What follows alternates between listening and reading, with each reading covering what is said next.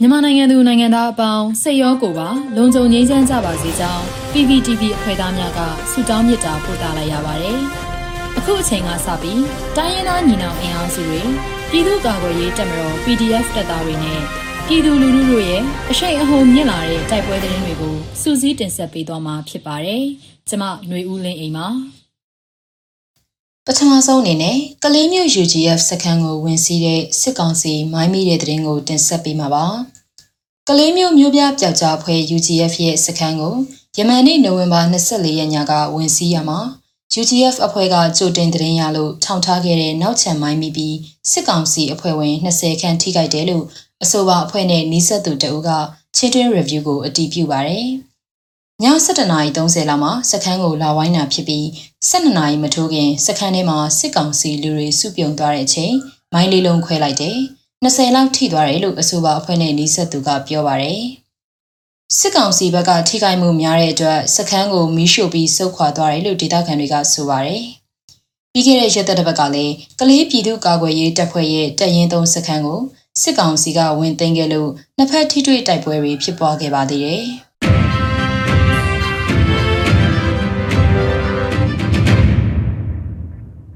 ဆက်လက်တင်ဆက်မှာကတော့ရန်ကုန်တောင်မြောက်လမ်းဆောင်အနီးမှာရှိတဲ့ရဲစခန်းကိုအမည်မသိအဖွဲ့တစ်ခုကလက်နက်နဲ့ပစ်ခတ်မှုမှာရဲတအုပ်တေဆုံးတဲ့တဲ့ထဲမှာရန်ကုန်တိုင်းဒဂုံမြို့တဲ့တောင်ပိုင်းမြို့နယ်တောင်မြောက်လမ်းဆောင်အနီးမှာရှိတဲ့ရဲစခန်းကိုယနေ့နိုဝင်ဘာလ25ရက်နေ့မွန်းတဲ့12နာရီကျော်အချိန်မှာအမည်မသိအဖွဲ့တစ်ခုကတနက်နဲ့လာရောက်ပစ်ခတ်သွားပြီးရဲတအုပ်တေဆုံးသွားကြောင်းဒေသသတင်းရင်းမြစ်များနဲ့ဒေသခံများရဲ့ပြောဆိုချက်အရသိရှိရပါတယ်။ ဒေတာသတင်းရင်းမြစ်ဖြစ်တဲ့ South Dagon Information Team ကတောင်မြောက်လမ်းဆောင်ရဲစခန်းကိုအမည်မသိအဖွဲ့တစ်ခုကယနေ့မွန်လွယ်ပိုင်း12နာရီကျော်ခန့်အချိန်မှာတနက်နဲ့ပစ်ခတ်ခဲ့ပြီးရဲစခန်းအတွင်းမှာလည်းပြန်လည်ပစ်ခတ်မှုရှိခဲ့ကြောင်းသတင်းဖော်ပြထားတာပါအလားတူတောင်တကုံမှာယနေ့မွန်လွယ်2နာရီကလည်းအလွန်ကျေလောင်တဲ့ဘုံပေါက်ကွဲတံကြားရကြောင်းဒေသခံများကပြောဆိုပါရယ်။ နိုဝင်ဘာလ24ရက်နေ့ကလည်းတောင်တကုံရဲလိုင်းငံများနဲ့ဝန်ထမ်းလိုင်းငံများအနီးမှာဘုံပေါက်ကွဲမှုများဇက်တိုက်ဆိုသလိုဖြစ်ပွားခဲ့ကြောင်းသိရှိရပါတယ်။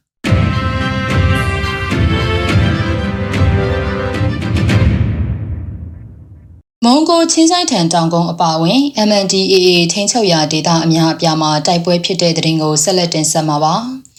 ရှမ်းပြည်နယ်မြောက်ပိုင်းမုံကိုခရိုင်ချင်းချိုက်ထန်တောင်ကုန်းမှာအကြမ်းဖက်စစ်ကောင်စီတပ်နဲ့ MNDAA တပ်ဖွဲ့ကြားနိုဝင်ဘာလ24ရက်ယမန်နေ့နေ့လယ်7:52မိနစ်မှစတင်က၄နာရီကျော်ကြာတိုက်ပွဲဖြစ်ပွားခဲ့ပြီးစစ်ကောင်စီတပ်မှအနည်းဆုံး3ဦးသေဆုံးကြောင်း MNDAA ဘက်မှတအူးထံရရကြောင်းကိုကန့်သတင်းရင်းမြစ်တပ်ကိုကန့်ကရေးသားဖော်ပြတာပါ စစ်ကောင်စီကကိုကန့် MNDAA ရှိရာမယန်ဒေတာနဲ့ရှိကြကြတောင်တန်းကိုလက်နက်ကြီးများနဲ့ပစ်ခတ်တိုက်ခိုက်ခဲ့ကြောင်းတရက်အတွင်းလက်နက်ကြီးကြီးစုစုပေါင်း120ကျော်ပစ်ခတ်ခဲ့ပြီးကိုကန် MNDAA ဘက်မှနှစ်ဦးလက်နက်ကြီးကြီးစားထိမှန်ပြီးဒဏ်ရာရရှိကြောင်းသိရှိရပါတယ်။ စစ်ကောင်စီရဲ့အရှိမြောက်တိုင်းစစ်ဌာနချုပ်မှာခလာရ41ကကိုကန်အထူးဒေသ1မွန်ဂိုခရိုင်အတွင်းမှာရှိတဲ့တပ်စခန်းတစ်ခုကိုနနက်10:35မိနစ်မှာချင်းကပ်လာသည့်အတွက် MNDAA ကကြားဖြတ်တိုက်ခိုက်ခဲ့ကြောင်းအလားတူနမ်လောဒေတာအနောက်ဘက်တောင်ကုန်းကိုထိုးစစ်ဆင်လာတဲ့စစ်ကောင်စီတပ်ကိုထက်မှန်ကြားဖြတ်တိုက်ခိုက်ပြီးမိနစ်40ခန့်တိုက်ပွဲဖြစ်ပွားခဲ့ကြောင်းတကူကန်ကရေးသားထားပါတယ်။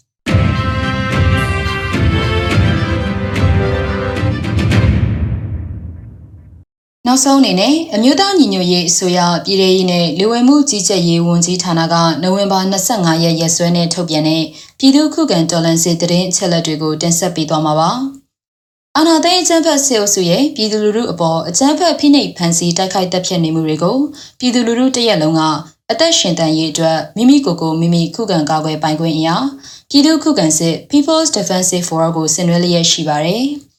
တရင်ချက်လက်များအရ24ရက်17လ2021ရက်နေ့မှာစစ်ကောင်စီတပ်ဖွဲ့ဝင်30ဦးသေဆုံးပြီးထိခိုက်ဒဏ်ရာရရှိသူ9ဦးအထိခုခံတိုက်ခိုက်နိုင်ခဲ့ပါတယ်။ဆီယနာရှင်စနစ်မြမမြေပေါ်မှာအပိတိုင်ချုပ်ငြိမ်းရေးနဲ့ Federal Democracy တည်ဆောက်ရေးအတွက်ငြိမ်းချမ်းစွာဆန္ဒပြတဲ့လူလူတပိတ်တိုက်ပွဲတွေကပြည်내နဲ့တိုင်းဒေသကြီးတွေမှာဖြစ်ပွားပေါ်ပေါက်လျက်ရှိပါတယ်။မြေပြင်မှာယခုတွေ့ရတဲ့သတင်းအချက်အလက်တွေထက်ပို၍ဖြစ်ပွားနိုင်ပါတယ်ရှင်။ Oh, 民